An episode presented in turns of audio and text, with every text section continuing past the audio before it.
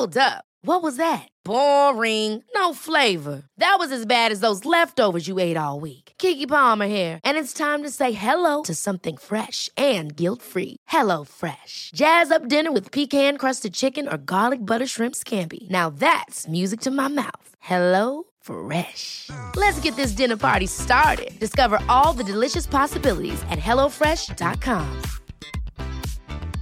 A lot can happen in the next three years. Like a chatbot may be your new best friend. But what won't change? Needing health insurance. United Healthcare Tri Term Medical Plans are available for these changing times. Underwritten by Golden Rule Insurance Company, they offer budget friendly, flexible coverage for people who are in between jobs or missed open enrollment. The plans last nearly three years in some states, with access to a nationwide network of doctors and hospitals. So, for whatever tomorrow brings, United Healthcare Tri Term Medical Plans may be for you. Learn more at uh1.com.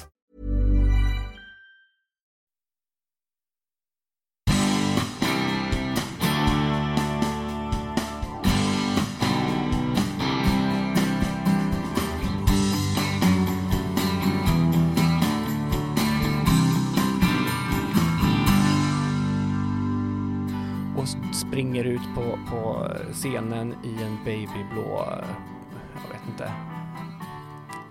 eh, blöjdress. Och jag ställer mig upp och börjar dansa och tycker det här är helt fantastiskt och säger till mamma pappa det här är det bästa jag sett i hela mitt liv. Och där och då måste de ju ha fattat att ja, men ah, den här killen blir nog gravt homosexuell. Idag har jag nog lyssnat på över 3000 refuserade festivallåtar från 1970 till idag. Alltså jag sa till, till, till skivbolaget så här, så jag, jag kan nog ställa upp på det mesta, men jag vill inte stå på Torp köpcentrum i Uddevalla. Det, det finns liksom en gräns för vad jag vill göra med det här, men, men jag skulle lätt kunna ställa mig på ett köpcenter i Bulgarien. Tänk vad roligt!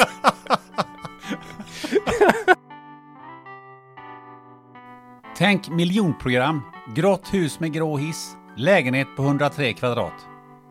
Tänk sen välbärgat hushåll från förra sekelskiftet. Lägg till medaljongtapeter, piedestaler och tusen prydnadsföremål. Och så toppa det med en kopia av Marie Antoinettes kabinett på Versailles. Då, då får du inramningen till det här avsnittet. Mitt i denna värld sitter Emil och Dorian Lövström och berättar sin historia. Första gången den här fantastiska våningen blev uppmärksammad var i det populära tv-programmet Vem bor här? Sen har livet snurrat på i en allt högre hastighet för grabben från Dals-Ed. Frisörpriser, stylistjobb och ett omåttligt intresse för Eurovision har tagit Emil in i kändisvärlden. Än så länge bara bredvid scenen. Men det är bara en tidsfråga innan han tagit sig in i det riktiga strålkastarljuset. Hur då? Ja, det får du reda på i slutet av avsnittet. Där bjuder jag också på en rejäl blooper. Nog snackat, här kommer första poddintervjun med nästa mellostjärna.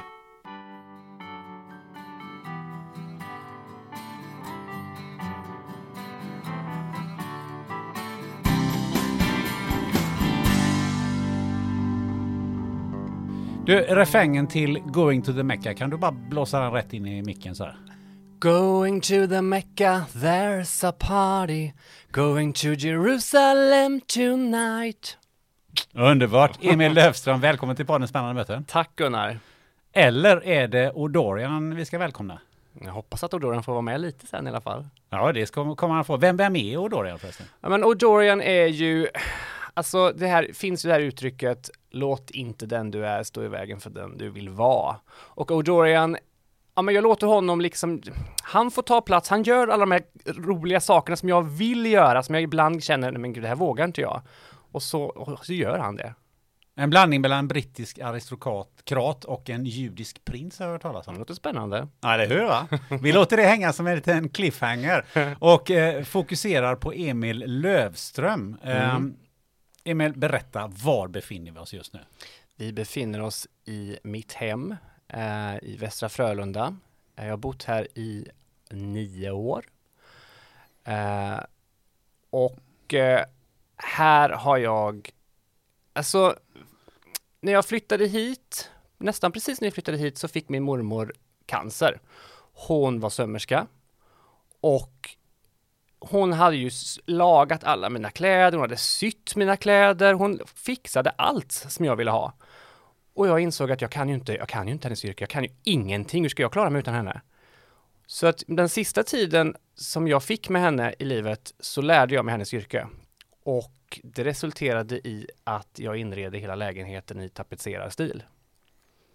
Men vad är tap- tapetserarstil? Beskriv den för de som inte vet. Ja men alltså slutet på 1800-talet så var det ju en stilblandning i Sverige bland, man, ja, det var lite nordisk stil och det var lite Louis stil och det var tapetserad stil som sagt och, ja men, och den är ju ganska, den är väldigt utskälld idag, anses vara väldigt smaklös.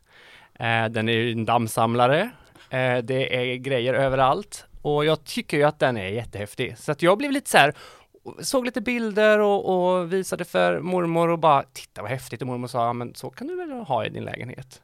Tänkte jag, men det kan jag väl inte ha. Nej, varför då, sa mormor. Och då kände jag lite så här, ja varför inte då? Ja men det här, vi kör, vad roligt! Och så bara fortsatte det. Men är det, är det mormor som är upphov till själva idén? Uh, ja, det är det nog faktiskt. Uh, det hade aldrig blivit så här om inte min mormor hade pushat mig. Alltså hon var fantastisk. Hon sa alltid till mig, du kan, du kan, det fixar du. Och, och fixar du inte på en gång så lär du dig. Och det där har jag lite försökt anamma och försöka alltid komma ihåg att ja, det är klart, man måste ju krypa innan man kan gå och ja. det är helt underbart. Har alla dina lägenheter back in the day sett ut på det här sättet? Absolut inte. Absolut inte. Jag har alltid varit ganska trendmedveten. Eh, lite så och alltid tyckt det varit roligt med inredning. Alltså jag jobbar ju med eh, liksom styling och form så att eh, och alltid varit roligt med både kläder och inredning och så så att, så att det har verkligen varit att jag sprungit i butiker och letat nya saker och bytt stil ganska frekvent. Alltså jag har haft både shabby chic, jag har haft industriellt, jag har haft eh, väldigt personlig stil med bara saker som jag tyckte om. Mischmasch av, av saker, så som det kanske ser ut i gemene mans hem liksom.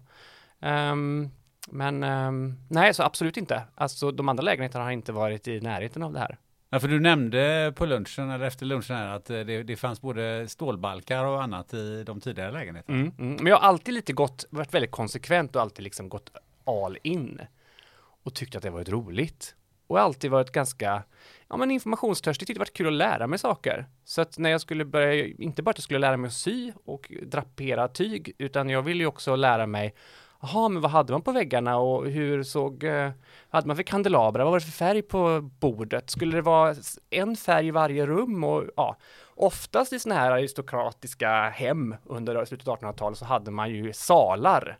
Och då hade man en vinröd sal, en mörkgrön sal, en blå sal. Ja, och eh, det blev lite så att jag såg det som ett, men jag såg det som ett projekt att åh, jag, det vill jag, det vill jag göra. Du säger sy här. Eh, möbelsnickeri känns också som någonting som du har lärt dig. För tittar man på de här möblerna så tror jag inte riktigt att de såg ut så när du flyttade in dem hit. Nej, nej, jag har köpt dem på auktion och eh, de, många har varit i ganska taskigt skick. Och eh, har en fantastisk vän som, som också är väldigt ja, men, duktig på att så här, ja, men vi kör bara, vi, vi bara, vad är det värsta som kan hända? Så vi har eh, tapetserat de här ihop och lärt oss enormt mycket på vägen. Men det har varit ett jäkla projekt alltså. Det, det har tagit lång tid. Nyfiken fråga är ju också, var har du stått och gjort det här jobbet? Hur har, var har du stått med, dem, med dina möbler och fixat med dem? I vardagsrummet, rullat bort mattan och, och tagit bort eh, eller allt, tagit bort allting från vardagsrummet in i ett annat rum och så stått där. För det blir ju slipdamm och mm. det blir grejer ja. och, och så har man sådana här fina eh, draperier och gardiner och grejer. Ja. Det måste fastna rätt mycket damm även om man tätar till vardagsrummet. Absolut. ja, det, Jag har en det, bra dammsugare. Hur, hur länge sen började du inreda den här lägenheten? Ja, men vi flyttade hit um, november 2014.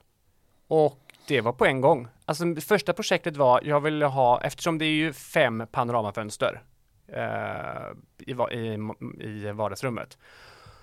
Och det är ju, det vill jag ha, det tänkte jag att där måste vi ha en stor ståtlig eh, gardinuppsättning. För det är det första man ser när man kommer in i lägenheten. Och det är ju en ganska stor lägenhet, den är ju på 102 kvadrat. Men och när man kommer in då i lägenheten så, så ja men det, det är ju alltid så, att så fort du kommer in i ett rum, du dras ju till fönstret för du dras till ljuset. Och då tänkte jag, men här vill man ha en stor ståtlig gardinuppsättning. Och det gick ju sen inte att inte fortsätta, alltså den hade ju inte passat ihop med det andra. Det, liksom, det går ju inte bara, ja, men här kan vi ha en liten ICA-längd, eller IKEA-längd, det går ju inte. Nej, för så, till saken hör ju att vi befinner oss i en lägenhet i ett område som, som vad man ska kalla för miljonprogrammet. Mm. Japp, stämmer. Så att eh, när man ser det utifrån tänker man att det, det, här är, nu har man kommit in i en helt ny värld. Och det är självklart att eh, ni kommer få, ni som lyssnar kommer att eh, få titta på lite bilder på Instagram och så vidare. Det här vill ni inte eh, missa. Om vi går bakåt i tiden, hur, hur såg ditt pojkrum ut?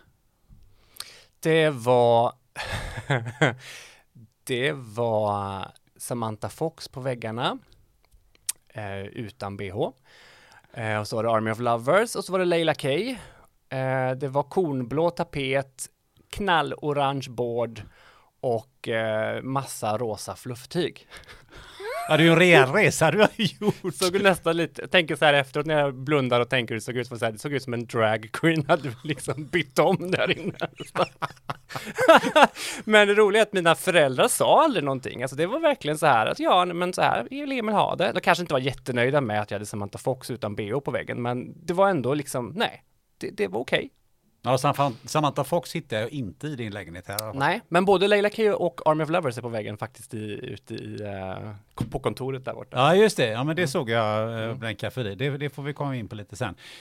Du nämnde här historisk anknytning och så här. Vad, vad kan du säga om ditt historieintresse? Um, min faster har en auktionsfirma och uh, jag som liten varit med och, ja men typ, min mamma drev en, en kafeteria på uh, auktionerna och jag var med och sålde och tyckte det var roligt och lärde mig ganska mycket plus att mina föräldrar är väldigt uh, historieintresserade och uh, antikintresserade överhuvudtaget. Så att jag skulle nästan säga att jag är uppväxt uh, på antik antikvariat. Och jag kanske inte var så jätteintresserad som 6-7-åring och gå runt och titta på, på men på guldspeglar. Men däremot så hade de ju alltid LP-skivor.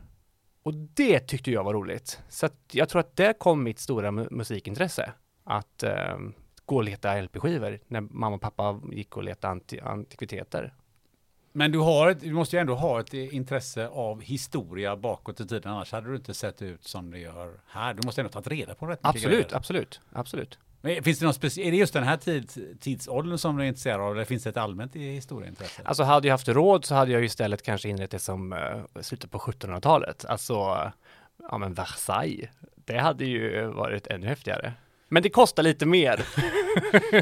är det då uh, själva utformningen som du är intresserad av eller är det, är det hela historien och tidsepoken? Det är nog faktiskt båda två. Um, Um, ja men just alltså, alltså hela franska revolutionen tycker jag är jätteintressant. Och sen även slutet på 1800-talet när folk, när det började bli, alltså det började in, industrialiseras och det hände väldigt mycket under den perioden. Um, och ja, jag tycker nog att alltså det, det, det är vackert. Det är vackert och jag kan hålla med. Alltså jag tycker själv 1800-talet är oerhört intressant. För det är lite en spegel, mm. eller det vi har idag är en spegel utav väldigt mycket som, som faktiskt ja. började där. Ja. Här i Sverige. Ja. ja, eh, det kan vi prata mycket om. Ehm, men det här är ändå liksom känslan i slott, palats. Eh, skulle du äga ett riktigt palats själv någon gång? Dum ja. fråga kanske? Eh, ja, det hade jag jättegärna velat. Om jag hade fått eh, städerska.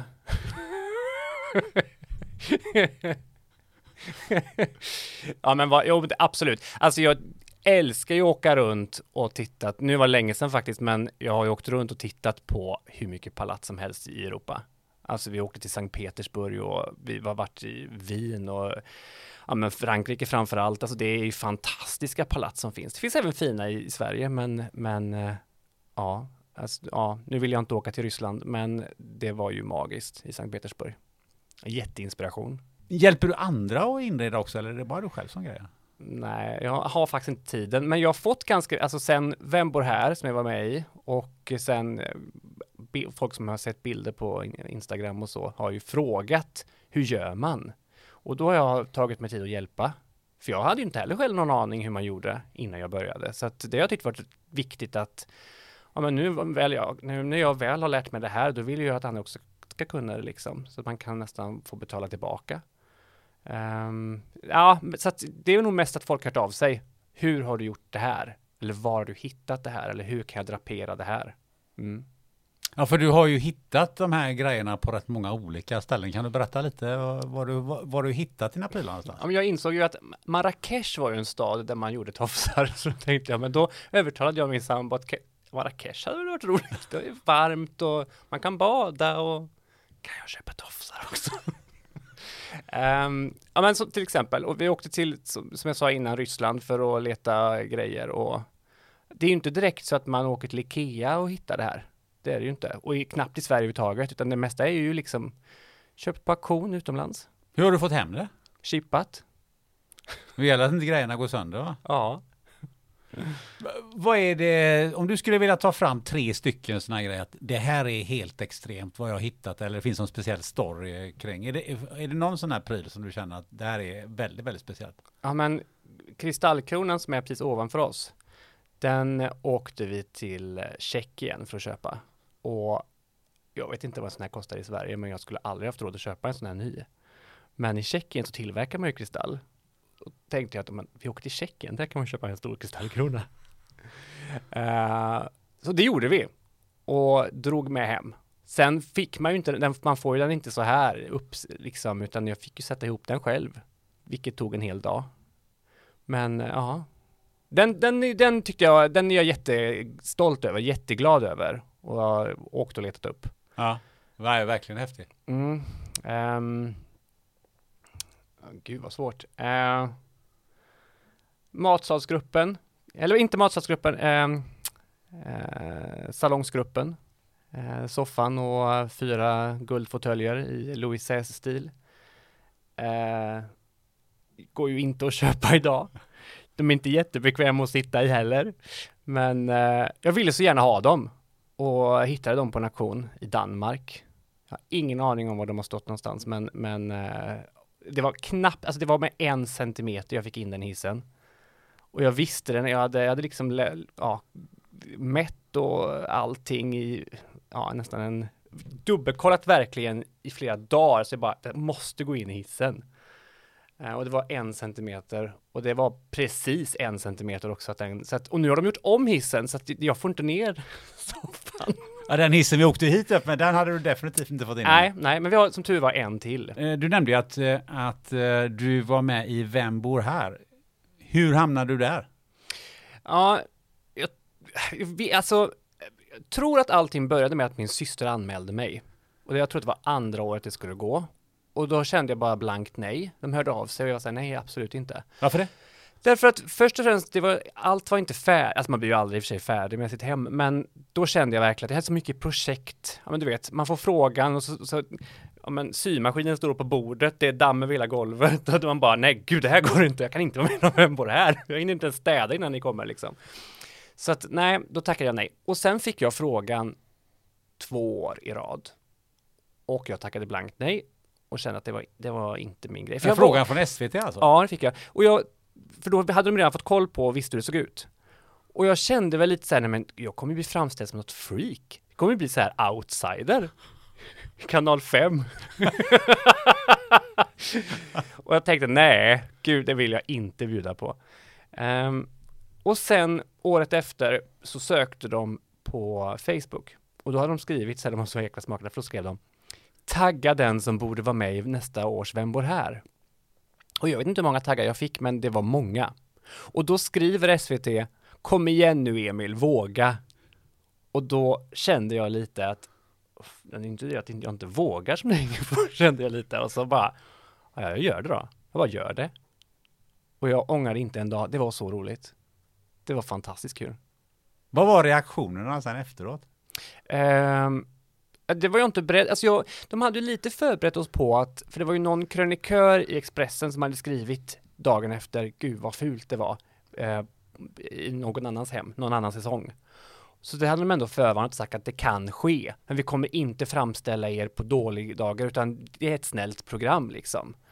Um, och, och, det var det verkligen, för det var två stycken i, i, eh, av deltagarna som inte var vänner under eh, inspelningen. Så att, och det hade, allt och sånt hade han klippt bort. Så att det var ett väldigt snällt program. Och då blev de ovänner under inspelningen? Ja, det blev de. Varje dag. ja.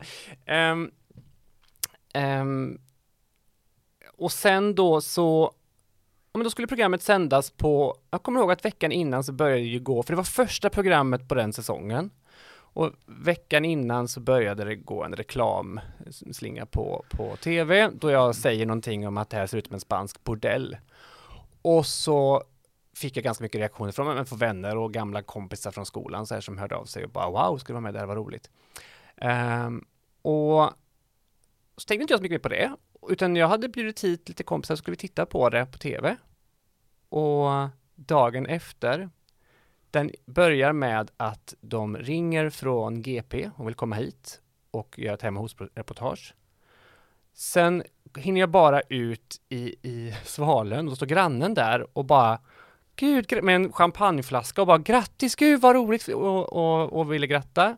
Och så kommer jag ner, men det var verkligen så här, folk stoppade mig överallt. Folk stoppade mig överallt och, och så ringde radio, ja men det var faktiskt lite så här, och jag var inte beredd på det. Jag tyckte också det var lite så här, gud vad jobbigt det här blev. Samtidigt som alla var väldigt, väldigt snälla. Men jag, jag var lite rädd att hur det skulle framställas efteråt. Att, ja men jag ställer jättegärna upp på ett hemma hos-reportage. Jag vet inte hur många jag gjort, jag har gjort tio stycken säkert. Eh, om inte mer. Men jag vet att jag skulle göra det här för GP och det skulle vara mitt uppslag så var man ju lite så här att hur freakshow kommer de göra det till? För det var ju också lite så här frågor, brukar du gå runt i såna här kläder och brukar du ha hat, eh, typ ha hattar eller peruk på dig också? Och man bara, nej, jag är ganska normal i övrigt. Bara väldigt smaklös smak. Ja, eller väldigt speciell smak. Eller väldigt speciell smak, ja. Nej men så att det, det var, men det har bara lett till roliga saker. Eh, och det har framförallt också lett till ett större självförtroende. Har det. Härligt. Du nämnde mormor eh, tidigare. Mm. Hon lärde dig att sy och sa till att du, du kan. Va, vad betydde mormor för dig? Hon betydde så fantastiskt mycket. Hon var en, hon var en oerhört varm person. Eh, jag hade en fruktansvärd barndom i, i, i skolan. Eh, egentligen så var jag inte, alltså jag var mobbad av elever, men jag skulle säga att jag var nästan lärarna som var de elakaste. Eh, och man bestämde sig för att man inte skulle berätta för mina föräldrar att jag var mobbad. För att jag var ju mobbad för att vara homosexuell. Och det här var ju liksom innan man, jag knappt hade kommit till puberteten och förstått det själv. Men alla andra förstod det. Och man var väl lite rädd. Jag kan tänka mig, för jag är ju från en liten byhåla i Dalsland. Jag kan tänka mig att man var säkert lite rädd och tänka att ja men Emils föräldrar kanske inte skulle, de kanske inte kommer tycka om honom då. Så att vi säger ingenting. Va? Ja. Så att det, det, så att mina föräldrar fick reda på det först när jag gick i högstadiet. Och då hade jag gått igenom hela grundskolan typ. Utan några vänner. Um, Hur var det? Det var jobbigt.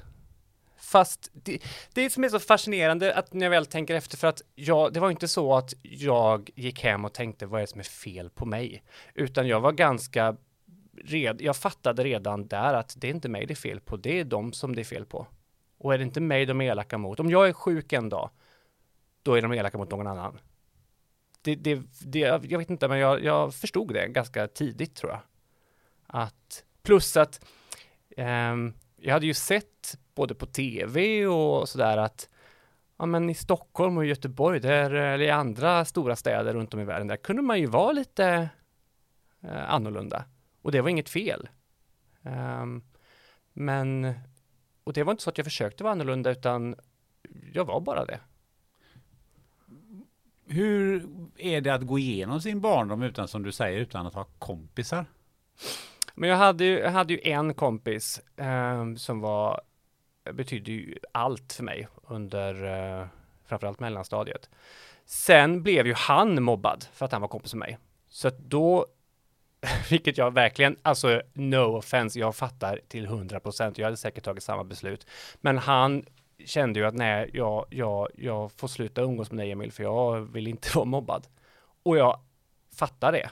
Alltså man, man det hade jag säkert också själv gjort. Um, nej men det var, det var jobbigt. Det var jobbigt. Um, men um, det finns de som haft det mycket, mycket värre. Det tyder ju ändå på att eh, du har ett ganska bra, bra självkänsla, bra självförtroende. Var fick du det ifrån? Jag tror att jag fick det från mormor. För att hon, ja men, kommer ihåg att vi skulle sy en, ett linne. Jag ville ha ett limegrönt linne med en knallrosa dragkedja och så kom jag ihåg att mormor sa, men vad fult det kommer bli.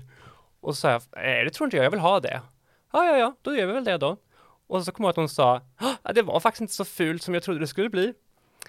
Men jag, jag kommer ihåg att när jag stod i spegeln och tittade och, och så kände jag bara, gud vad fin jag är. Jag tyckte jag var så fin. Och jag, jag sket i om andra inte tyckte det. Jag brydde mig inte. Jag, hade inte. jag tog inte på mig det här för att jag ville att andra skulle tycka att jag var fin. Jag var mer intresserad av att jag själv skulle vara nöjd med, med, med mig själv. Någonstans måste ju dina, dina föräldrar också ha märkt att att du var annorlunda eller vad man hur man ska beskriva det. Absolut. Men jag tror också mycket att mina föräldrar um, har ju tre syskon, varav yngsta, och vi är födda jättetätt och min, och min, min yngsta bror, eller jag har bara en bror, men, men han har down syndrom och eh, föräldrar jobbar heltid, mamma pluggade, alltså de här, vi hade ju, man hade ju jättemycket att göra med oss barn. Så att jag tror inte att de, nej, och min, jag menar min, mina systrar är ju ganska pojkflickiga bägge två, spelade fotboll och, ah, nej jag vet inte. Det, det nej, jag upplevde aldrig att mina föräldrar, de sa i alla fall aldrig till mig att varför är du inte som alla andra? Det, det... This is Paige, the co-host of Giggly Squad, and I want to tell you about a company that I've been loving, Olive and June. Olive and June gives you everything that you need for a salon quality manicure in one box. And if you break it down, it really comes out to $2 a manicure, which is absolutely insane. It's also so easy to get salon worthy nails at home with Olive and June. The difference between how your nails used to look when you did them yourself and now with the Manny system is a complete game changer. The best thing about Olive and June too is it's a quick dry, dries in about one minute, lasts for five days, and full coverage in up to one to two coats. Visit oliveandjune.com slash perfect Manny 20 for 20% off your first system. That's oliveandjune.com slash perfect Manny 20 for 20% off your first system. System. It's that time of the year. Your vacation is coming up. You can already hear the beach waves, feel the warm breeze, relax, and think about work. You really, really want it all to work out while you're away. Monday.com gives you and the team that peace of mind. When all work is on one platform and everyone's in sync, things just flow wherever you are. Tap the banner to go to Monday.com. Ever catch yourself eating the same flavorless dinner three days in a row? Dreaming of something better? Well, HelloFresh is your guilt free dream come true, baby. It's me, Gigi Palmer.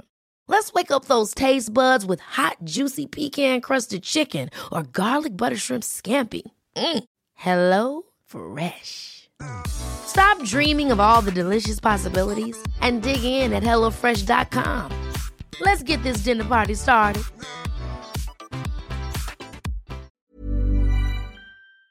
Sa de aldrig. Om du inte hade så mycket kompisar att umgås med, mm. då måste du hittat på lite egna grejer. Jag satt hemma och lyssnade på musik. och eh, ja, det gjorde jag. Hade ju, och samlade ju på musik, det var mitt stora intresse. Köpte ju CD-skivor för alla pengar jag kom åt. Uh, och, och, ja. Så att jag gick liksom hem från skolan, Uh, ganska ledsen, gick ner till mitt rum, bodde i källaren, satte på musik högst jag kunde och lyssnade på musik och sen var jag jätteglad. Var, var är du uppvuxen någonstans? Vad är, vad är det för ort? Dals Ed.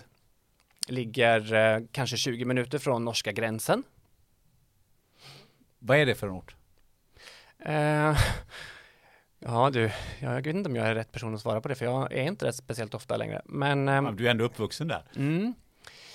Eh, då var det i alla fall en ort som inte hade, som nästan hade noll kontakt med storstan. Eh, det var verkligen, ja men, ja, ehm, alla hade på sig samma kläder, alla tyckte samma sak, alla röstade på samma sak, alla var centerpartister. Um, ja, jag vet inte riktigt. Det var, det var inte my community det, och det kände jag jättetidigt. Eh, vi gick i fyran skulle vi göra en sån här bok om oss själva och jag hittade den för bara någon månad sedan. Och då har jag skrivit, då står det så här, då är frågan, jag vet inte om man skulle göra frågor till sig själv eller om frågorna redan var, var gjorda av läraren, men då är ju frågan så här, eh, var vill du bo när du blir stor? Och då har jag skrivit, jag vill bo i Stockholm, Göteborg eller London, för där får man vara som man är. Har jag skrivit. Och då gick jag i fyran och redan då var jag ju väl ja, informerad om att här kan jag inte vara sån här. Hur hamnade dina föräldrar där? Är de från orten eller? Mm. Eh, ja, de är födda där. Och deras föräldrar också födda där. Deras föräldrar är också födda där. Ja, så det är en släkt eh, eh, långt bakåt i tiden som, mm. som är från, från den delen av, av Sverige? Ja. Eh, när lämnade du orten? När jag var 19, direkt efter gymnasiet. Finns det gymnasium där alltså? Ja, jag, alltså egentligen, jag ville ju, jag, jag ville ju inte plugga eh, på gymnasiet egentligen i Dals-Ed. Um, och jag vill inte ens läsa det jag gjorde. Men jag vågade inte flytta. Jag var så rädd för att flytta. Egentligen så ville jag flytta, men jag vågade inte flytta till, då var man tvungen att antingen gå i Bengtsfors eller Uddevalla eller Åmål tror jag också.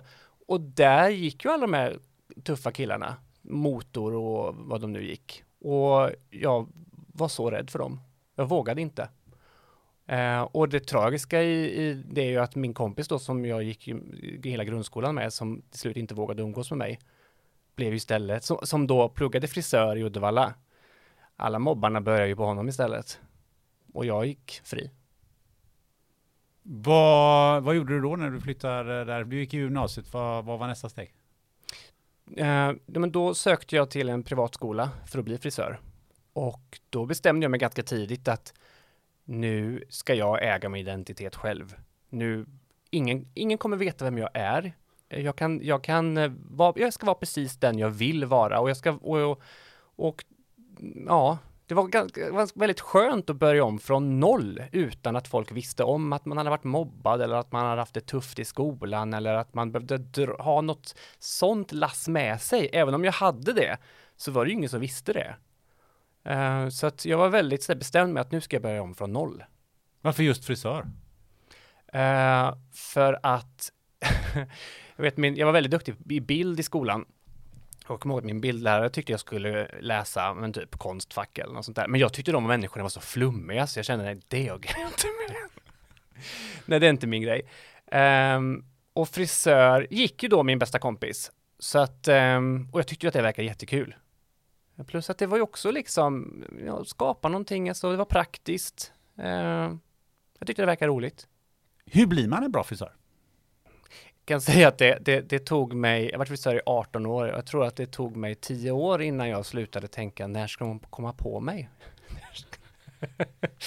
Men det, det, ehm, idag vet jag att jag är en bra frisör och jag tror att jag är en bra frisör för att jag är uppmärksam, jag är lyhörd, jag hänger med och tycker det är roligt fortfarande att vad som händer och vad som är trendigt och um, men framförallt, alltså det viktiga är ju egentligen inte om jag kan klippa en page rak, utan det är ju att jag gör min kund nöjd och är lyhörd för vad den vill ha. Och kan, eh, på, in, kanske inte påverka, men att jag kan eh, få min kund att känna sig eh, fin. Ja, och kunna åstadkomma det som... Absolut, absolut. För eh, jag satt häromdagen i, i eh, frisersalongen och jag har en ganska enkel frisyr så, men så, så var han chefen som äger eh, stället och så hade han någon, inte elev, hon var nog färdigutbildad, men en behövde ändå eh, lära sig. Då inser man liksom vilket hantverk det här är. Mm. Mm. Alltså hålla sax, bara hålla saxen. Jag brukar tejpa på ovansidan av handen så att de inte har handen fel för då får de ju mm. får skador sen när de mm. har varit frisörer i 15-20 år och, mm. och massa sådana Jag tänkte man, herregud, det är en vetenskap där. Mm. Det Det tycker jag är intressant. Mm. Hur, hur känner du själv för det? det är, har du fortfarande liksom, men jag lär mig varje dag? Ja, det gör jag. Det känner jag faktiskt. Eh, och framförallt eftersom det utvecklas ju hela tiden. Det som jag st- står och gör idag gjorde inte jag för tio år sedan. Vissa saker såklart, men, men alltså att, att vara frisör är så mycket mer än att toppa ett hår. Det är ju skapa en form. Eh, eh, man jobbar ju med färg, man jobbar med, ja det är väldigt, väldigt kreativt. Och så länge man tycker att det är roligt så tror jag att man, man är en bra frisör. Du gjorde det till och med så bra att du fick något pris. Något år, Ja, va? 2011 så uh, vann jag uh, Hairdresser of the Year för Schwarzkopf. Och då var priset? Jag fick följa med Schwarzkopf-teamet till Düsseldorf och vara med bakom scenen och jobba med artisterna. Düsseldorf, Eurovision. Eurovision för de som inte. Till exempel jag. Trodde alla visste att Eurovision var i Düsseldorf 2011. Ja. Med tanke på det du har berättat innan om ditt, eh, ditt, ditt eh, musikintresse så måste det ju ha varit en, ett helt fel pris. Ja, verkligen inte. Nej, men det var så roligt. Det var så roligt. Det var också lite ogreppbart. Det var ganska ung. Eh, 2011, hur gammal var jag då? Jag var 25. Ja, måste jag vara, för jag är ju 85, jag föddes i december och det här är ju maj. Ja, men 25 och ett halvt typ. Ehm, jag skulle säga att jag var ganska omogen. Kanske inte riktigt kunde ta in vad det var jag var med om. Eh, idag hade jag gjort det på ett helt annat sätt. Men det var ju väldigt, väldigt roligt. Det var väldigt kul. Vad var skillnaden mot eh, så som du gjorde det mot du skulle ha gjort det? Ja, men i, idag så hade jag nog kanske, jag vet inte, inte varit ute så sent på natten. Jag hade nog skött mig lite bättre. Eh, och liksom, alltså du vet, alltså jag tror så här konsekvenstänket, när, fi- när får man det? Jag vet inte, jag tror inte jag fick mitt förrän jag var 27 kanske. Men det gav dig också, vad jag förstår, ytterligare en biljett in i den världen. Ja, men just där och då vet jag inte om det gjorde det, men det, det, Mm, det vet jag faktiskt inte om det gjorde, men, men jag har ju alltid älskat Eurovision. Eh, mamma har berättat att 1991 så tittade jag för första gången på Eurovision, då var jag fem år gammal och då är Jugoslavien första låten. Baby Doll heter artisten. Hon ser ut som en, ja, en överpyntad julgran och springer ut på, på scenen i en babyblå, eh, jag vet inte, eh, blöjdress. Och jag ställer mig upp och börjar dansa och tycker det här är helt fantastiskt och säger det till och pappa, det här är det bästa jag sett i hela mitt liv. Och där och då måste de ju ha fattat att ja, men ah, den här killen blir nog gravt homosexuell. Eller gravt intresserad av slager. det också. Nej men så att jag har ju älskat den tävlingen sen jag såg detta 91 och spelat in varje år och letat information och så. Så att det, att få åka på det 2011, för det var mitt första år jag åkte på det. Jag vet inte varför egentligen nu i efterhand så är det väldigt konstigt att jag inte har åkt på det innan, för att det hade jag ju kunnat göra. Men, men jag tror inte ens jag tänkte tanken eller att jag, att man kunde det, utan att det är klart att tävlingen har ju verkligen växt också sen dess. Idag är den ju enorm. Jag vet inte hur många tusen fans som åker till städerna varje år numera, men alltså 40 000 kanske? Det är jättemycket. Um, och sen har jag ju åkt, nu har jag ju åkt flera år och ska även åka i år. I år är den ju i Liverpool. Ehm, och istället för att vara där i en vecka ska jag vara där i två veckor. 91, eh, då var då Carola vann va? Jajamän. Med Fångar av en stormvind. Men jag var mer intresserad av Jugoslavien. Ja, du var mer intresserad av Jugoslavien. Jag försökte bara briljera där. Jag kan inte så mycket Ja, det är bra, Gunnar. om, om Mello. Högst, högst medioker där. Eh, innan vi kommer in på Mello, för det måste vi prata om, eh, och Eurovision såklart. Eh, men du är också stylist. Mm. Va, vad gör en stylist? Ja, men jag jobbar, ju- alltså jag är utbildad makeupartist och eh, ja, men jag har fått vara med och styla inför musikvideor till exempel. Sminka artisten, göra ordning den i håret, även stagea lite hur det ska se ut, eh, även för fotograferingar. Eh, det är ganska, alltså det är ganska mycket man får göra som, som stylist. Man får även springa och hämta kaffe till alla. det ingår. Nej, men det är ett väldigt roligt, det är väldigt roligt. Eh, det är väldigt roligt att göra. Det är inte så ofta jag gör det numera, utan numera står jag mest på, på salongen och tar kunder. För jag tycker att, jag vet inte, jag kanske har blivit lite lat, men jag, det är skönare att kunderna kommer till mig än att jag måste ta mig till dem. Det spar mig väldigt mycket tid. Då är ju naturligtvis frågan, hur hittar man någons eh, stil? Alltså hur vet du, ja men Carola ska ha på sig det här och så ska hon ha den här makeupen eller liksom hur, hur ser du det? Men jag, alltså jag vet inte om jag har haft tur med dem jag har jobbat med, men vi har klickat ganska snabbt. Alltså man märker ganska snabbt om man klickar. Eftersom stått på salong i 18 år och tagit kunder. Jag, jag känner av på en gång om vi har rätt energier, om jag förstår personen. Men det är det det handlar om. Det är, det är inte om man menar energier, alltså ska det vara blått eller ska det vara grönt? Ska det vara en sån ja, men, eller en sån? Ska det vara det eller det? Ja, nej men ja, det vet jag inte, men det, det, har man väl bara inbyggt i sig eller så kanske man också utvecklar det, att man, man lär sig mer och mer. Men jag tänker mer att alla människor, även om de skulle passa i en viss färg eller en viss klädesplagg eller brist på klädesplagg, så kanske de inte hade vågat. Och det är väl kanske de energierna som jag känner att jag är bra på att känna av redan ganska tidigt, att den här personen kommer, det här kommer den här gilla.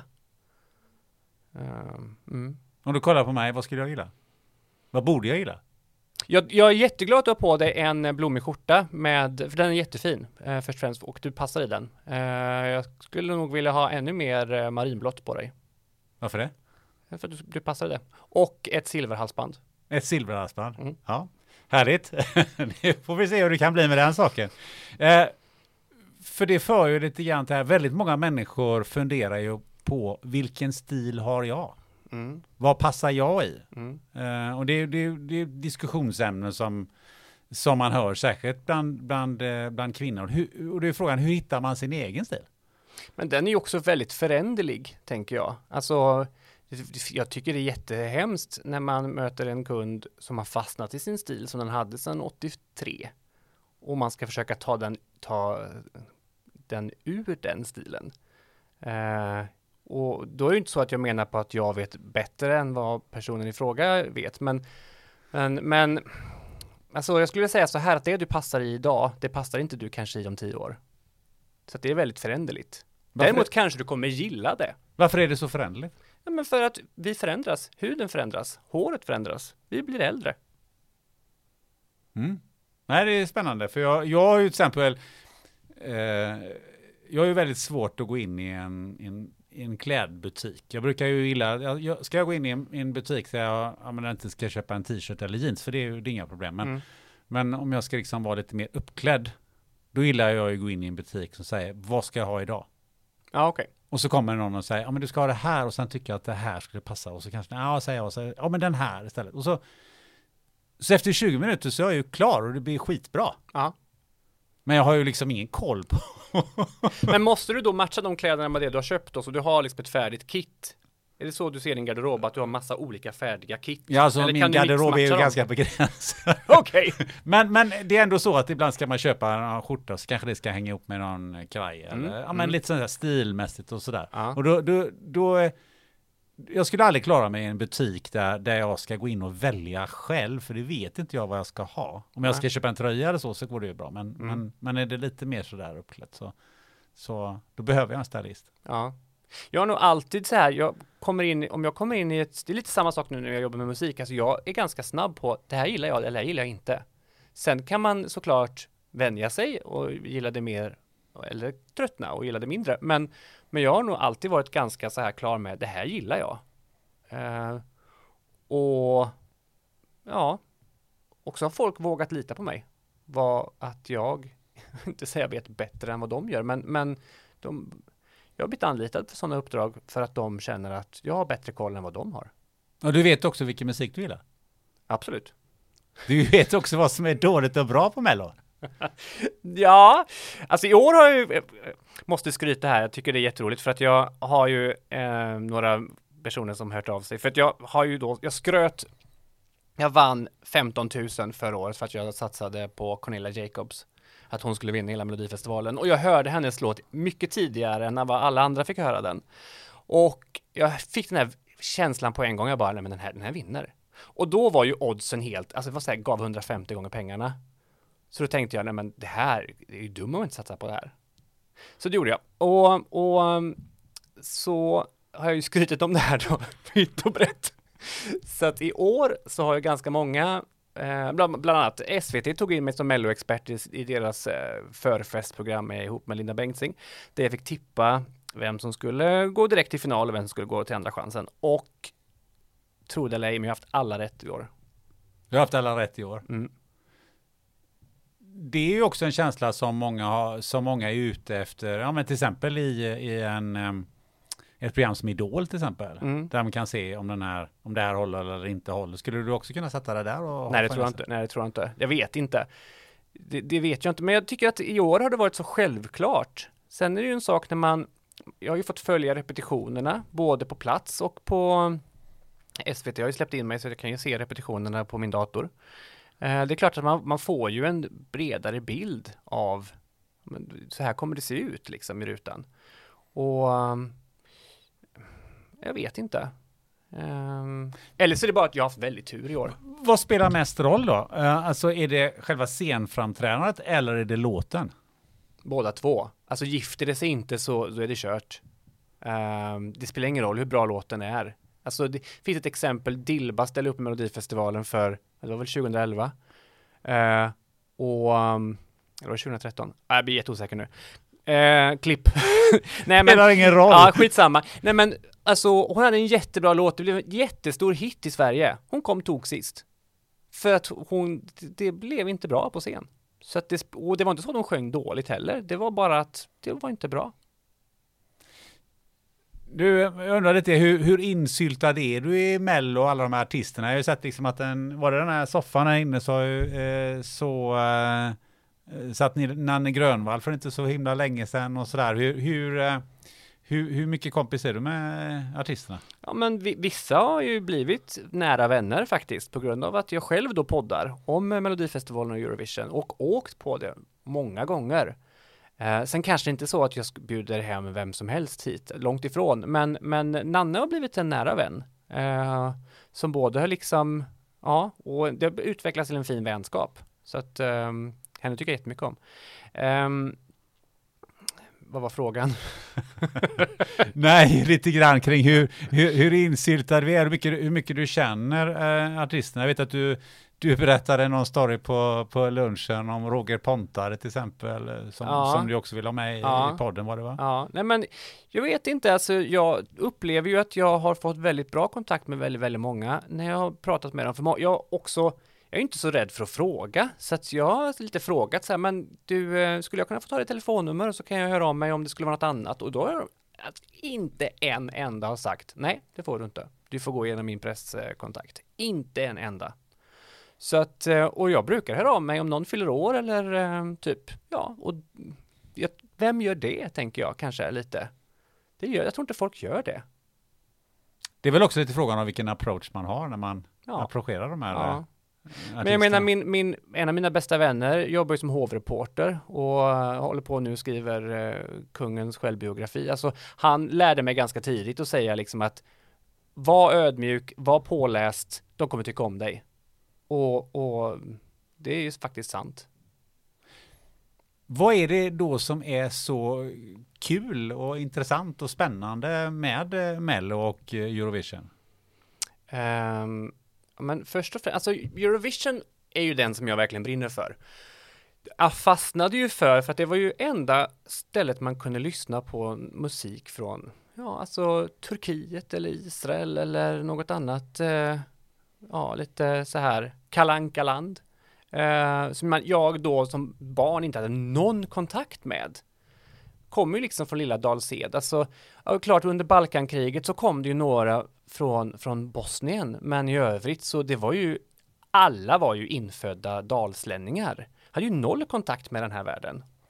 Eh, och jag var, jag tyckte det var, jag tittade på det med stora ögon och var jätteintresserad och tyckte det var så spännande med andra kulturer, andra uttryck och de hade andra kläder på sig, andra smaker. Och, och idag är det ju mer Eurovision idag är ju mycket mer mainstream för att man har ju insett att man kanske inte, det finns ju några undantag såklart, men jag menar Grekland har ju slutat sk- skicka någon, någon eh, man med bouzouki, utan de skickar, de skickar ju något som låter som Lady Gaga varje år numera, men, men jag vet inte, alltså det är en gemenskap.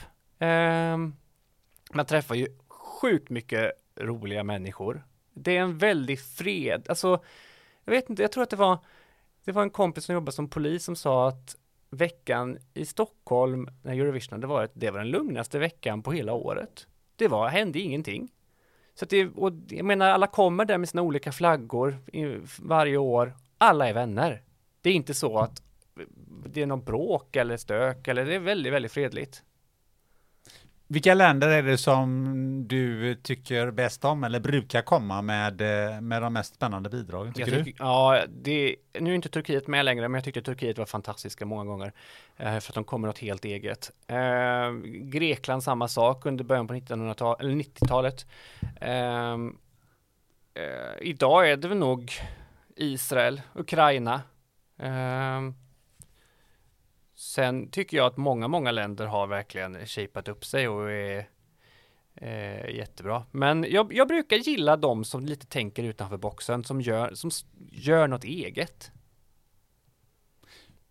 Vad skulle du säga att Mello har betytt eh, för dig i stort?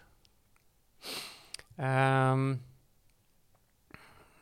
ja men det har ju varit framförallt när man, man var man inte hade några vänner i skolan och så. Alltså det var ju en tillflykt till något som var glatt och, och, och det var ju väldigt, väldigt mycket glädje och är fortfarande tycker jag. Ehm, det är någonting att samlas kring och idag ser ju jag Melodifestival, för nu pågår den ju i sex veckor. Vissa tycker ju att den pågår för evigt, men jag tycker ju att det är sex veckors julafton. Ehm, med fest. Eh, I år har jag haft väldigt, väldigt mycket att göra, så jag har inte kunnat åka på, på hela turnén. Men eh, andra år har jag åkt på hela turnén. Och det är verkligen, det är sex veckors fest. Det är så roligt.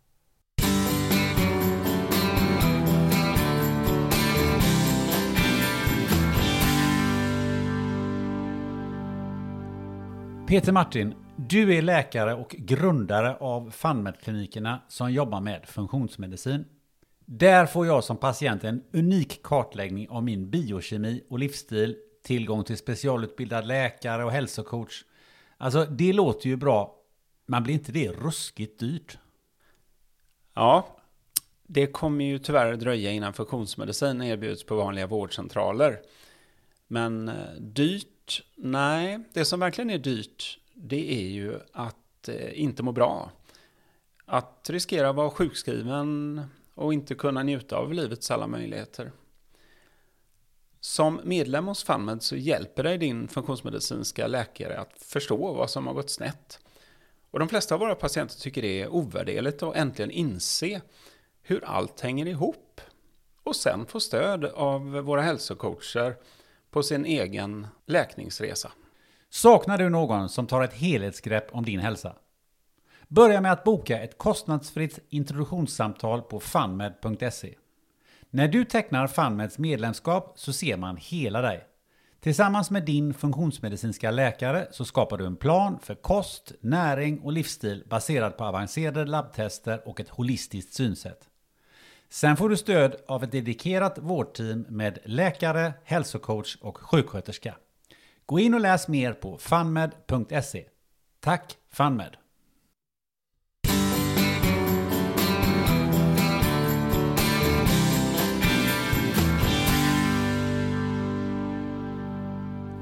Någonting jag glömde fråga om, men jag måste ändå höra med dig. Eh, finns det någon typisk mello slash Eurovision eh, artist eller i, om man tar det åt andra hållet, finns det någon artist som aldrig skulle stå på en mello-scen eller en Eurovision-scen? Om, du, om vi säger att det är i Sverige då. Uh, Leila Kay kommer aldrig ställa sig där. Varför det? Eh, nej, hon, hon skulle aldrig göra det. Jag, jag, jag känner Leila och jag har pratat med henne om det här och hon har ju fått jättemånga erbjudanden i många år nu. Eh, Hon skulle aldrig ställa sig där. Är det för att hon inte gillar det eller för att hon... eh, Jo, men hon gillar, hon tittar faktiskt på Melodi, eller på Eurovision. Hon älskar Måneskin. Eh, hon har väldigt bra koll på, på, på Eurovision och Melodifestivalen överhuvudtaget. Men nej, jag tror att hon tycker att det är för lite för folkligt och jag vet inte, det är inte så att hon vill vara kreddig på något sätt, men nej, nej, det är för barnprogram. Nej, hon skulle aldrig ställa upp. Finns det någon annan som du tror? Ulf Lundell skulle nog aldrig stå där. Nej, nej, han är för gammal nu. han vill inte se Han har nog inte stått där annars heller kanske. Nej, det hade han nog inte gjort. Ehm, vem mer skulle aldrig ställa sig där? Jag tror inte vi kommer se Lale stå där. Och jag tror inte vi kommer se Miss Li heller. Men man Mm. vet ju aldrig. Petter? Nej, jag tror inte det heller. Varför tror du inte det? Han behöver det inte. Jag tror inte han, jag tror han mer att förlora på det än att vinna. Varför det? Därför att om det inte skulle gå bra så kan ju karriären vara körd. Ehm, då, då, ja, jag vet inte, jag tror att också är lite så här, folk, upplever att väldigt många i Sverige, man är så rädd för att göra bort sig. Och någon måste ju komma sist. Men kom man sist eller näst sist eller tredje sist, ja då, då var det ett misslyckande. Vilket egentligen inte behöver vara. Men ehm, jag tror att de har för mycket att förlora på det. Ja, för det, det finns ju i alla fall i Eurovision finns det ju några, några gånger som Sverige har kommit eh, sist eller tok Mm. sist. Mm, riktigt dåligt. Och det är klart, jag, jag tror att Martin Stenmarks karriär kanske inte tog jättefart efter att han kom dåligt till i Eurovision med Las Vegas. Men han har, idag har han ju liksom in, in, vunnit på att han var med där. Men det är väl det att man vet ju inte vad, vad som kan hända direkt efteråt. Jag tror det, det fanns väl någon back in the day som tror jag kom riktigt vrål. Monica Zetterlund kom ju sist med noll poäng. Ja, just det. Sen finns det någon som, som sjöng om Beatles, va? Forbes, 90, Forbes. 77. Ja, det, Ja, gud, de, just det. skulle, de fick två poäng, de skulle ha minus två poäng. Det Klabbe och var, var kom väl inte så högt upp heller, va? Jo, eh, Malta som de då Ja, hette i Sverige och sen hette de Nova i Eurovision 73. Eh, ja men de kom väl, vänta nu, de kom fem eller sexa. Ja, det gjorde de det. Ja, gick med bra. brösten som häckar vad det Ja, någonting. Dina bröst är som svalor som häckar. Just det, precis. Ja, den var Monica Dominik nöjd med den textraden. Ja, det är roligt. Du har ju järnkoll på eh, Eurovision. Eh, för du, du är ju med i, eller har startat, varit med och startat två poddar, eller åtminstone en av dem. Alltså en blev jag inbjuden till, jag tror det var 2018. Eh, det var, jag vet, ja men det var 2018. Och då ringde de och var, vi vill bjuda in er till våran podd, vi, vi behöver någon som gör research, vi behöver någon som sätter ihop program och så någon som, ja, typ, någon som är som du. Och jag tänkte så här, vad pratar ni om? Jag har aldrig gjort det här i hela mitt liv, jag, jag kan ingenting. Ja men vi tror på dig, vi tror att du kommer fixa det här. Jaha, då tänkte jag lite så här, ja ja, men då säger jag väl ja då. Det, det, det brukar bli mycket roligare om man säger ja. Så då säger jag ja och det gav blodad tand. Jag tyckte på en gång, det här var ju jättekul. Och så märkte jag att de var ju, vilket de flesta i Sverige är, man, det är mycket jantelag och inte kan jag och inte vågar jag. Och jag är inte sån, utan jag sa ganska tidigt, ska vi inte ta och ringa Lasse Holm? Ska vi inte ta och ringa Siw Malmkvist? Nej gud, det vågar jag inte, sa, sa de. Nej, ja men då gör jag det. och så tog det ganska, det gick ganska snabbt så började jag själv spela in egna program för Schlagervännerna och bjuda in eh, stora artister som innan kanske, jag säger inte att de har varit, ja, men jag tror att upplever på de flesta att man, man, man, man vågar inte. Men jag, jag saknar, saknar den egenskapen, Vilket är en fördel. vilket är en fördel ja, i mycket. Mm. Du har ju den här, eh, din egen podd då, Eurovision Legends. Mm. Berätta om den. Ja, men Eurovision blev ju inställt 2020. Det mesta blev ju inställt 2020. Och eh, jag hade så fruktansvärt tråkigt. Jag hade ju jätteplaner på att åka till Rotterdam med min bästa kompis. Och vi skulle ha så roligt och då hade jag redan fått en akkreditering för Schlagervännerna då. Så jag skulle göra en massa intervjuer, jag skulle träffa Conchita Wurst och jag var så här, åh det här ska bli så roligt. Och ehm, så blev det här inställt. Och så tänkte jag, men gud vad ska jag göra nu? Jag har ju inget att se fram emot. Det var, det var verkligen så här, mitt liv är slut. Nej men det var, så kände väl ganska många under pandemin, när, framförallt när det, ja, att vad, vad händer nu? Och jag behövde lite ha något att göra. Eh, för att så, jag jobbade ju som frisör, gick till jobbet, där fick jag ju träffa människor. Men sen när man kom hem fick jag inte träffa en käft. För då skulle man skulle ju hålla avstånd. Eh, så att jag träffade ju varken min familj eller mina vänner på fritiden. Mina vänner kom och klippte sig. så vissa kom ganska ofta, för då kunde vi ses utan att ha dåligt samvete att vi sågs. Men vi vågade inte ses efter jobbet, vilket egentligen är så här, ja, det känns jättekoko just nu, men, men så var det. Och då eh, tänkte jag, nej men alltså, jag vill ju faktiskt fortfarande intervjua Conchita Wurst. Jag vill ju fortfarande prata om de här personerna. Så kom jag på att, nej men jag startar en egen podd. Jag gör den på engelska. Jag kallar den Eurovision Legends. Eh, som syftar till två saker. Antingen att de är en legend eller att de har någonting att berätta. Att de har legender att berätta. Tyckte det var ett briljant namn. Och um, gjorde en lista på 50 stycken jag ville intervjua. mejlade ut, ja men alltså jag kommer inte ihåg om det var, jag mejlade ut allihopa eller om det var 25 jag mejlade ut. Kollade mejlen frekvent under en hel dag, inte fått ett enda mejl. Och tänkte, oj vilken, vilken bra idé jag har kommit på. Det här gick ju bra. och så glömde jag lite bort detta i två dagar och så kollade jag min mejl. Och då hade jag ju fått svar från nästan allihop som hade mejlat. Inte alla, men alltså jag hade fått från väldigt, väldigt många. För då satt ju de hemma i sina eh, respektive länder och var verkligen instängda.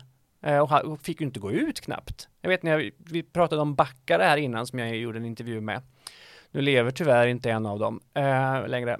Och, och de satt ju verkligen inlåsta i Spanien. så att du fick inte gå ut. Så, och, så att jag hade ju sån tur där att jag, jag nådde ju alla de här människorna från alla länder som annars aldrig skulle ställa upp i en nystartad podd som var så nördig som bara handlade handlar om deras tävlan i Eurovision. För de flesta då som jag ville prata med var ju stora stjärnor i deras respektive länder. Eh, men de ställde upp, för de hade tråkigt.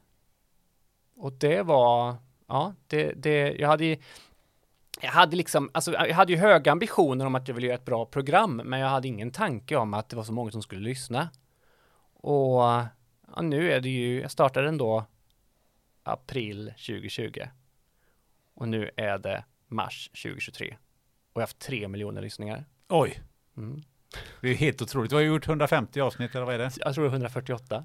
148 avsnitt. Ja. Ja. det är helt otroligt. Ja. Det är Men fantastiskt då är det ju också, alltså det är inte så att de har lyssnat för att lyssna på mig, alltså det märks man ju på, vissa avsnitt har ju verkligen bara någon tusen eh, lyssning, medans då Edita Gorniak från Polen som är deras svar på Carola liksom, alltså där snackar vi hundratusentals lyssningar. Och det var på löpsedlarna i deras, eh, i Polen, att hon hade pratat och vad hon hade pratat om och ja.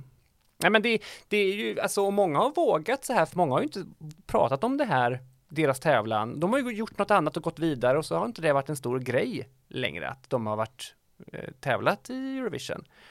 Eh, men eh, ja, så att många tidningar i respektive länder har ju plockat upp det här och gjort stora löpsedlar av det. Eh, av min podd. Fantastiskt. Vilka länder var, förutom Polen då? Ja, men jag vet till exempel, nu är Malta ett väldigt, väldigt litet land, men jag hade ett par, de är inte ett par längre, men de, de tävlade då i, i Eurovision 2004. Julian Ludvig hette de. Och då frågar jag, men ja, för då var de ju ett par, och då frågar jag, men hur var veckan i, i um, eh, ska vi se, var var det någonstans? Var de i Istanbul eller var de i Kiev? Eller var de? Ja, skitsamma. Uh, nej, men de var i Istanbul. Uh, ja, men hur var veckan där? Och då säger, då säger killen, eh, Ludvig, ja, det var skit, för vi fick inte ens sova i samma säng, vi fick inte ens göka på en vecka. Du kan ju tänka dig den löpsedeln i Malta. Julian Ludvig fick inte göka under hela Eurovision-veckan i Istanbul.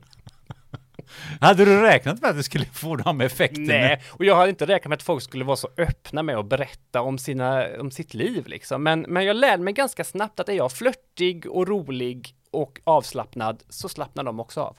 Så är det ju. Du har gjort någon poddserie om refuserade mellolåtar någonstans Mm. har jag sett va? Mm. Ja, gud, ja. Där kan vi snacka om megalomani, alltså. Jag tänkte, ja men vad roligt att få lyssna på låtar som har varit inskickat till Melodifestivalen som aldrig kom med. Det hade ju varit kul. Det skickas ju ändå in 3000 låtar ungefär per år, ibland mer, ibland mindre. Och så jag skrev till alla låtskrivare jag kunde komma på och mejlade ut. Och det ramlade in låtar. Alltså det ramlade in så mycket låtar. Den har fortfarande in låtar för att jag har ju kontakt med många av dem. Så att jag, idag har jag nog lyssnat på över 3000 refuserade Melodifestivallåtar från 1970 till idag. Och betygsatt dem eller vad gjorde du i podden Äh, vi sen? bara, vi, alltså vi, vi highlightade dem, eller man ska säga, utan vi, vi ville ge dem ett bättre öde än att de skulle sluta i en byrålåda. För det var ju det som de flesta hade gjort. Sen fanns ju, vi grävde ju fram lite scoop som att Sommaren är kort med Thomas Ledin var inskickad till Melodifestivalen Oj. med Stefan Borsch.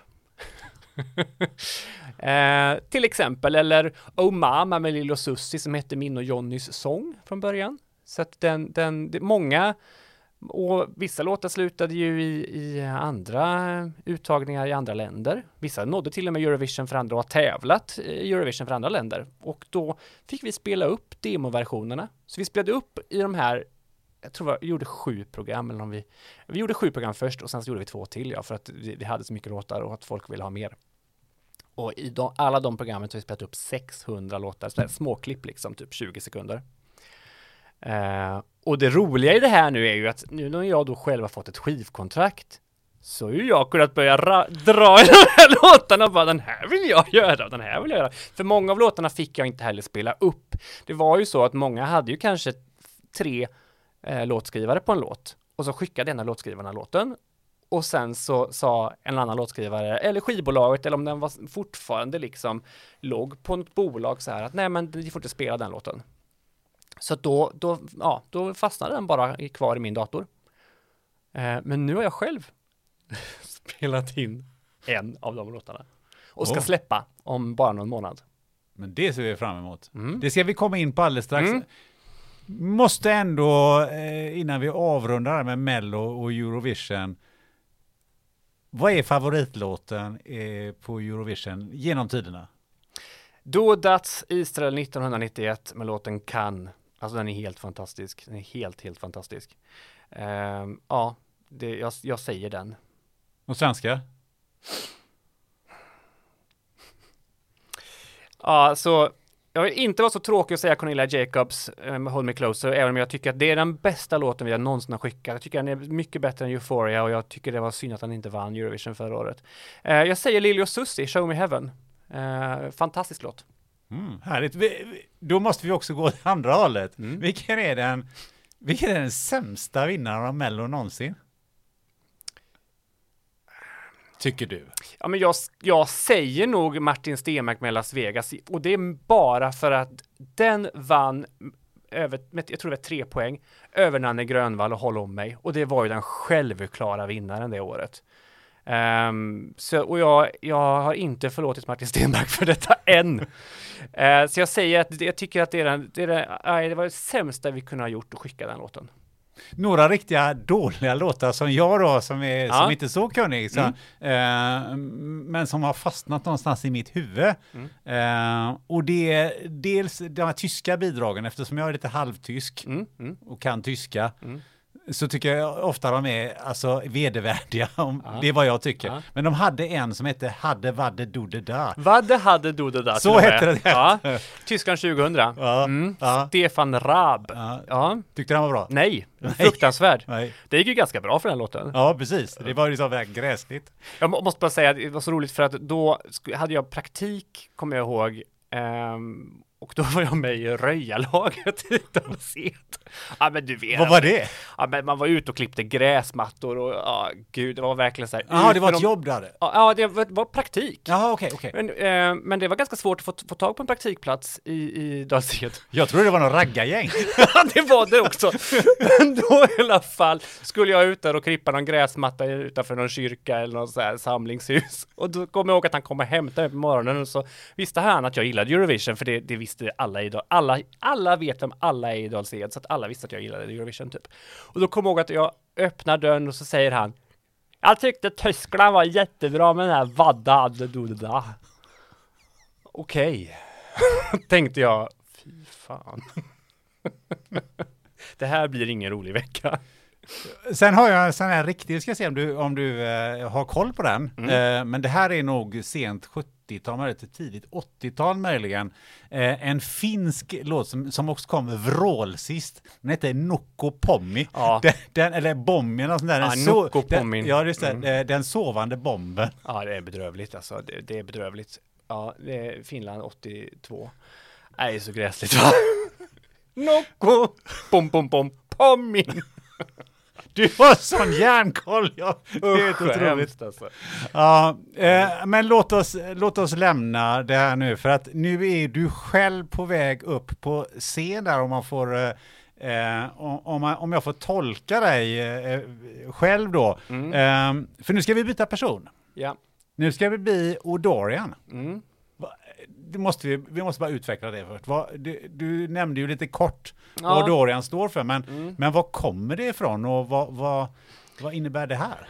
Ehm, nej men alltså jag fick ju då, ska vi, ska vi först och främst kanske börja berätta att jag fick ju då ett skivkontrakt, eller blev erbjuden ett skivkontrakt. Ja, hur gick det till? Det är ju också intressant. Ja men för att i och med då att jag har poddat om Melodifestivalen och har ju lärt känna ganska många människor på skivbolag och så och så fått lyssna på låtar som ska skickas in och till andra sammanhang och så eh, somras, förra sommaren, så ramlade in en låt.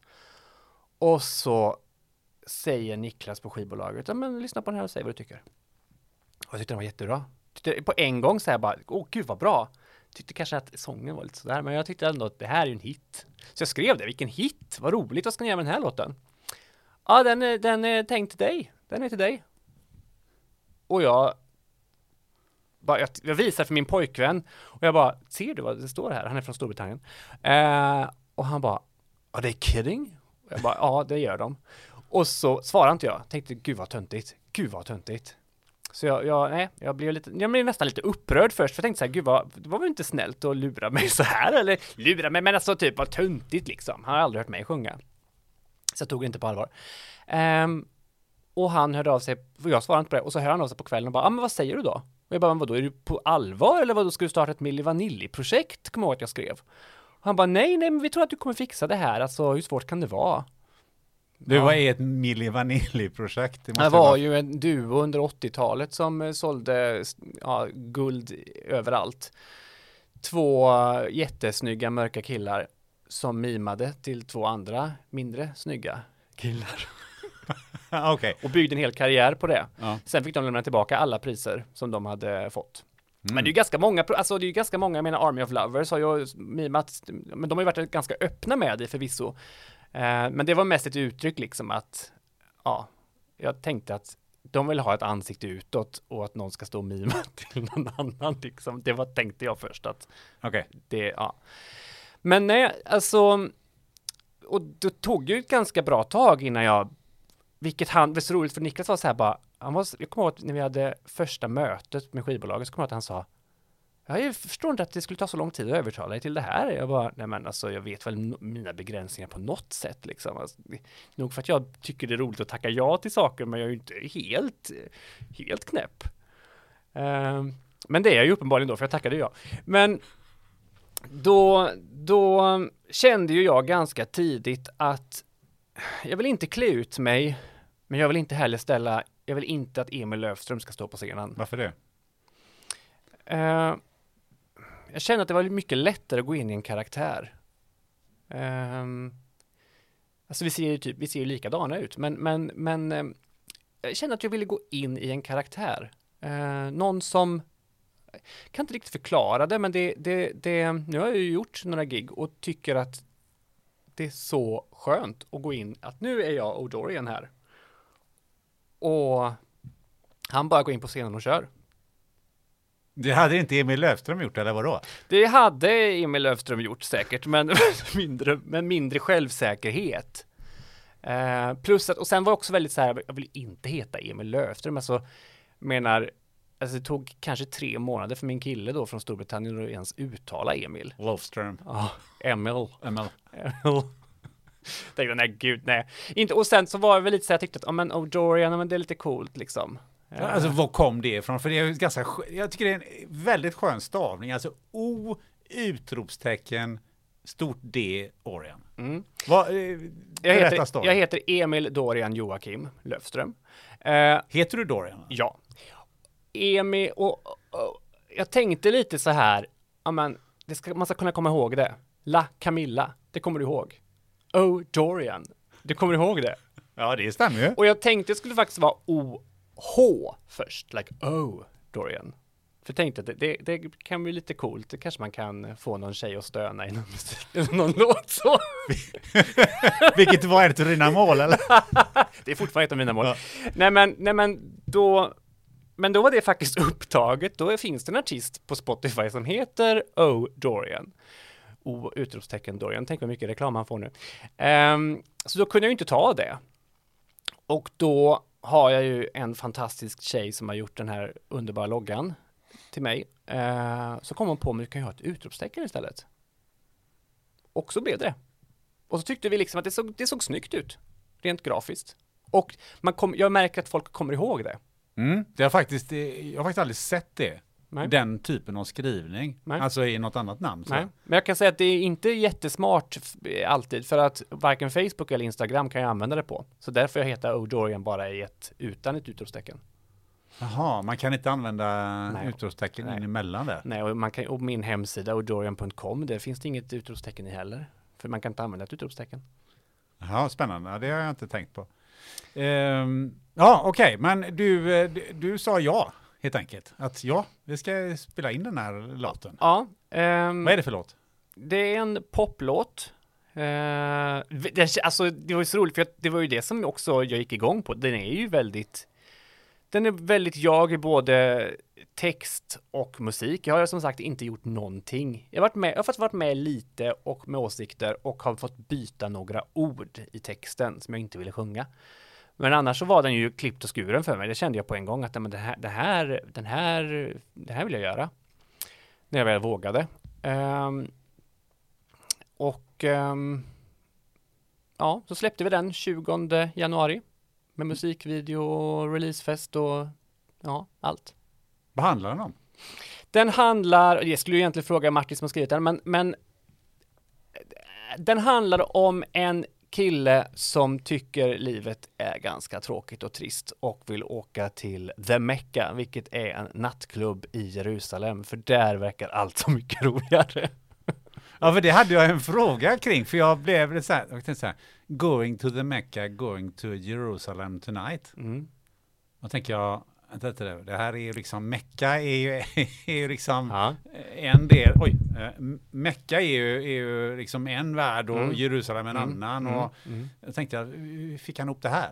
Men hade det, hade, ja, men nu är det ju The Mecca. Då Ja, kan det ju precis. vara en nattklubb. I Storbritannien finns det ju till och med en bingohall som heter Mecca. Alltså Mm. det är jättestort, det finns bingohallar i typ lite varje stad som heter Mecca Bingo. Eh, så att, ja, Ehm, men eh, The Mecca kan ju vara vad som helst egentligen. Men ehm, eh, samtidigt så är det ju, man kommer ihåg det. Det är väl lite det som ska vara med låttexten, man ska ju försöka komma ihåg dem. Och videon kommer man ju också ihåg, för är man göteborgare så, Ja. var rör du dig någonstans? Ja, det mesta är inspelat här. I lägenheten? Ja, sen är det inspelat in i stan. Eh, Vi går runt eh, domkyrkan på gatorna där, mitt i julhandeln.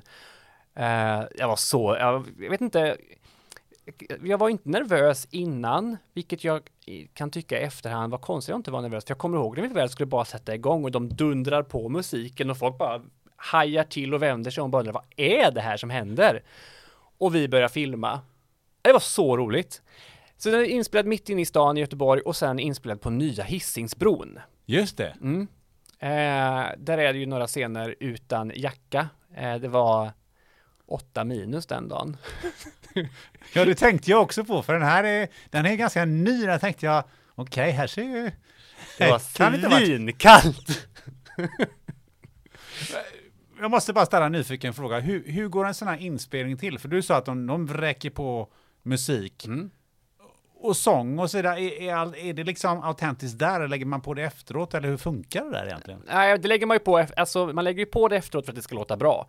Men eh, jag, eh, ja, där mimar jag ju bara rakt igenom vi spelar in det, så mimar jag ju till min egen sång.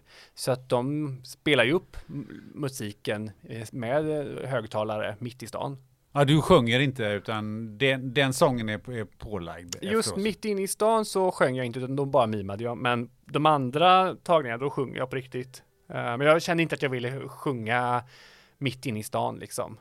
Sådär, I julhandeln. mitt i julhandeln. Ja, då hade den ju definitivt stannat av. Va, vilken genre är den här musiken, skulle du vilja säga? Ehm, jag skulle vilja säga att det, det um... kommer glassbilen också. Ja, nu kommer glassbilen. Vi har fönstret öppet för att det är så, det är så varmt här inne annars. Ja. Um... Ta en konstpaus här för den här glassbilen. Mm. Ehm, Going to the Mecca är ju, jag skulle säga att det är lite Pet Shop Boys, det är lite 80-talsflört, det är poppigt, ändå med en modern twist. Eh, de andra låtarna som vi har gjort går mer åt BVO, Army of Lovers, det är lite hårdare. Men det här är Eh, också lite Army of Lovers. Ja, jo, jo, jo, det, det, visst är det det. Ehm, Men jag skulle säga att det andra är ännu mer Army of Lovers. Um, är det förebilder?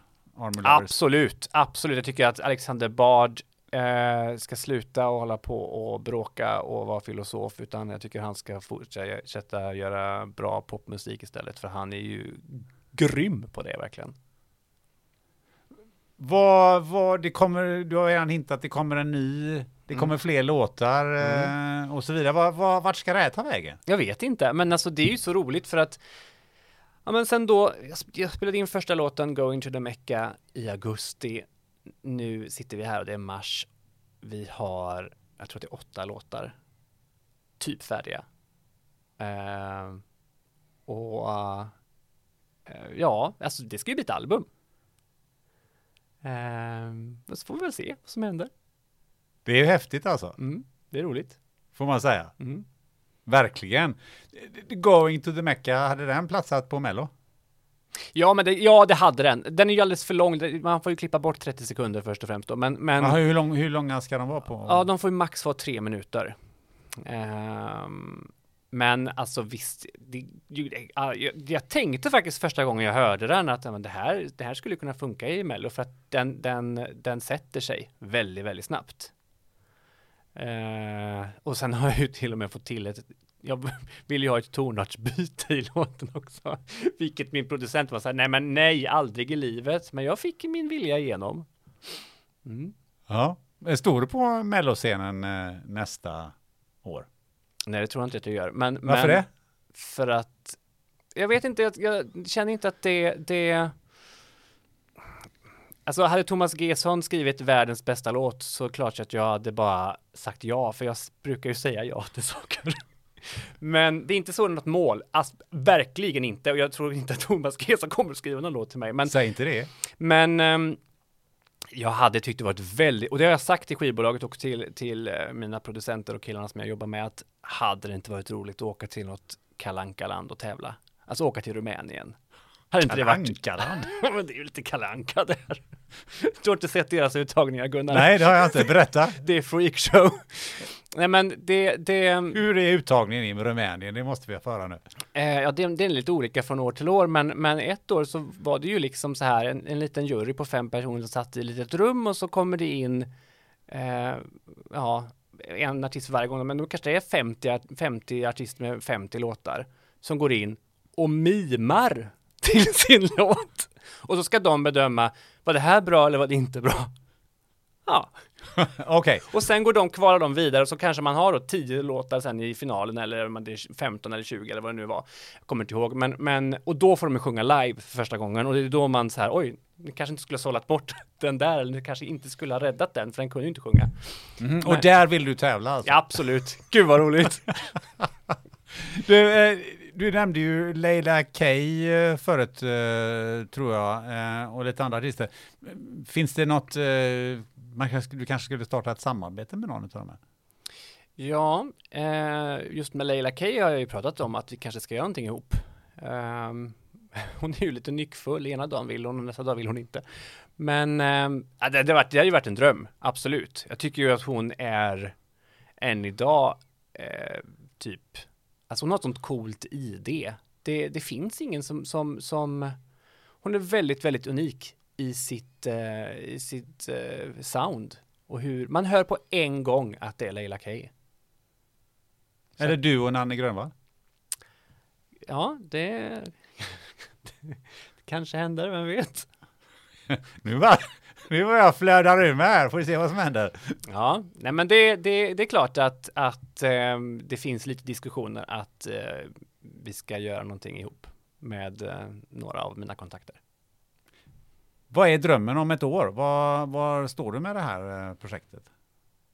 Eh, jag hoppas att det, hade, att det har plockats upp någonstans. Alltså det hade varit väldigt roligt att få en hit utomlands. Det hade varit jättekul. Det I Rumänien? Ja, till exempel. Jag tyckte det var jätteroligt. Alltså jag sa till, till, till skivbolaget så här, så jag, jag, kan nog ställa upp på det mesta, men jag vill inte stå på Torp köpcentrum i Uddevalla. Det, det, finns liksom en gräns för vad jag vill göra med det här, men, men jag skulle lätt kunna ställa mig på ett köpcenter i Bulgarien. Tänk vad roligt! Det vet ingen vem jag är och jag behöver inte vara rädd att det ska stå i den här eh, Vänt i Häcken eller de här hemska tidningarna att, ehm, ja, någon skandal att man har gjort det eller något sånt. Ja, för bulgariska pratar det ju inte. Nej, Så okej, eh, det, det är drömmen. Men eh, kan man säga att man, du, det här kan ha intagit Europas dansgolv? Ja men alltså, jag tycker så här att flera av låtarna som vi har gjort nu tycker jag verkligen passar på Europas dansgolv. Och de är skrivna för Europas dansgolv. Sen är, alltså, ambition, alltså vi gör ju det här för att vi tycker att det är roligt. Det, det är det som är drivkraften. Blir det ingenting så har vi haft väldigt, väldigt roligt på och vi har jättekul.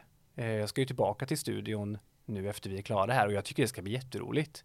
Så att, så att så länge det är roligt så kör vi liksom. Sen om det inte blir, blir någonting som inte blir mer än så här så ja, jag, jag blir inte ledsen. Jag är bara jätteglad att jag menar livet är ju här och nu.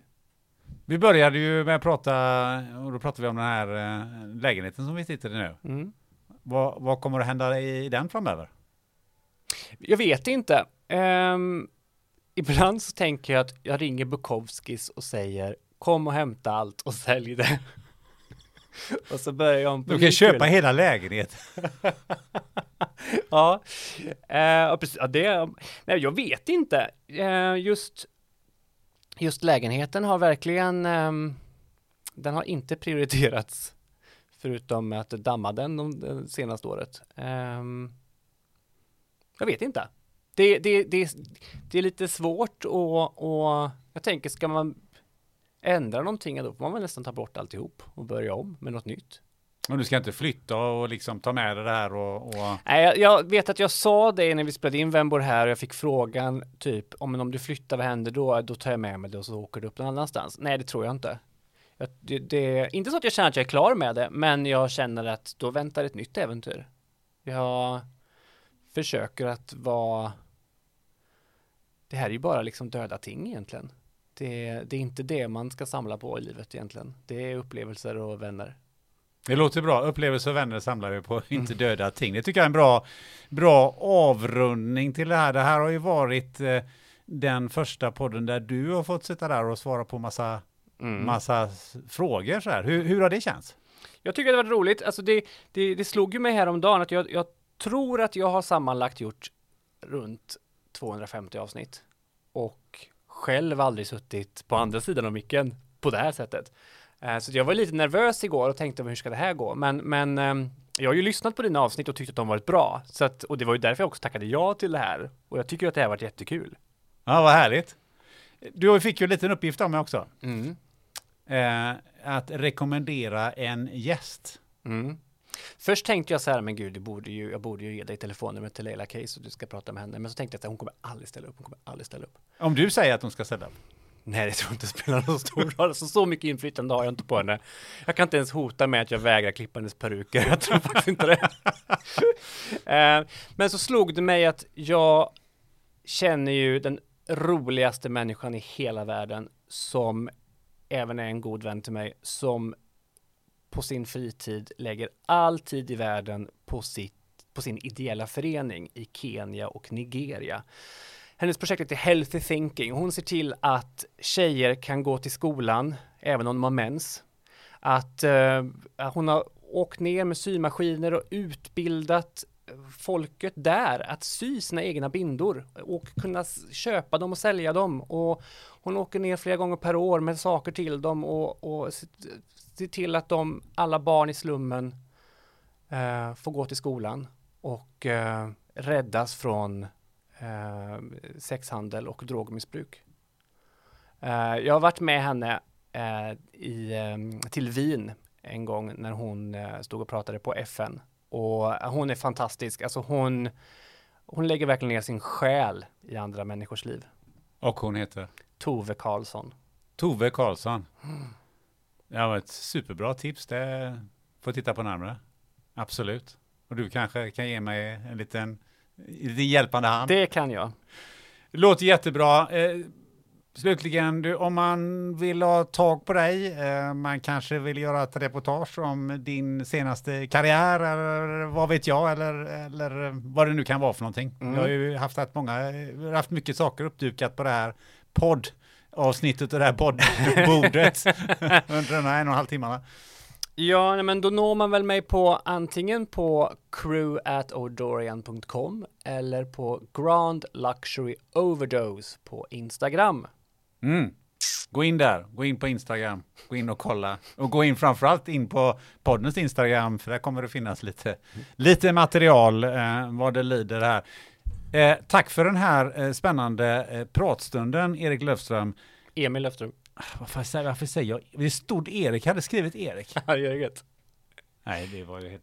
Alltså, jag, ibland så kan liksom, jag kan få sådana mind, alltså jag, jag blir Ja, så, men det, gud, det, det är jättelätt. Sådana namn-mindfuck kan jag ja, få. Ja. För att någonstans så har jag, så har jag liksom tänkt, någonstans har jag bara fått för mig att, att du heter Erik. Mm. Och du heter ju Emil. Och liksom, men så har jag skrivit det. Mm. Och så tänkte jag bara, så, så jag bara liksom, så att inte jag säger Erik. Och så kolla, så står det Erik. alltså, ibland undrar man, fan är det med mig? Det gör ingenting. Jag har det- kallat Lill Lindfors för Wenche Myhre en gång. Så att, Åh, vad härligt. Det kändes det är lättare i mitt hjärta. Eh, Vi tar om det. Det är tyvärr att det finns klippverktyg här. Tack för den här spännande pratstunden, Emil Löfström och Odorian tack så jättemycket Gunnar. Tack. Du har lyssnat till 143 avsnittet av podden Spännande möten med mig, Gunnar Österreich. Tycker du att podden är riktigt bra? Kanske så bra att du vill bidra till ännu bättre avsnitt? Då kan du swisha valfritt belopp till 123 611 4680. 123 611 4680. Eller så går du in på patreon.com och tecknar dig för ett abonnemang. Då får du avsnitten för alla andra och utan reklam. Nu håller vi ett högt tempo, så redan nästa torsdag kommer nästa avsnitt. Då blir det krim för hela slanten. Anki Edvinsson är författaren som skrivit succéerna Snöängel och Sjöjungfrun och vi kommer att dyka djupt ner i deckarvärlden. Missa inte det! Till dess så vet du vad du gör. Du sätter dig med en vän, du tar något gött att dricka och slår vad om Loreen återigen vinner Eurovision. Ha det gött!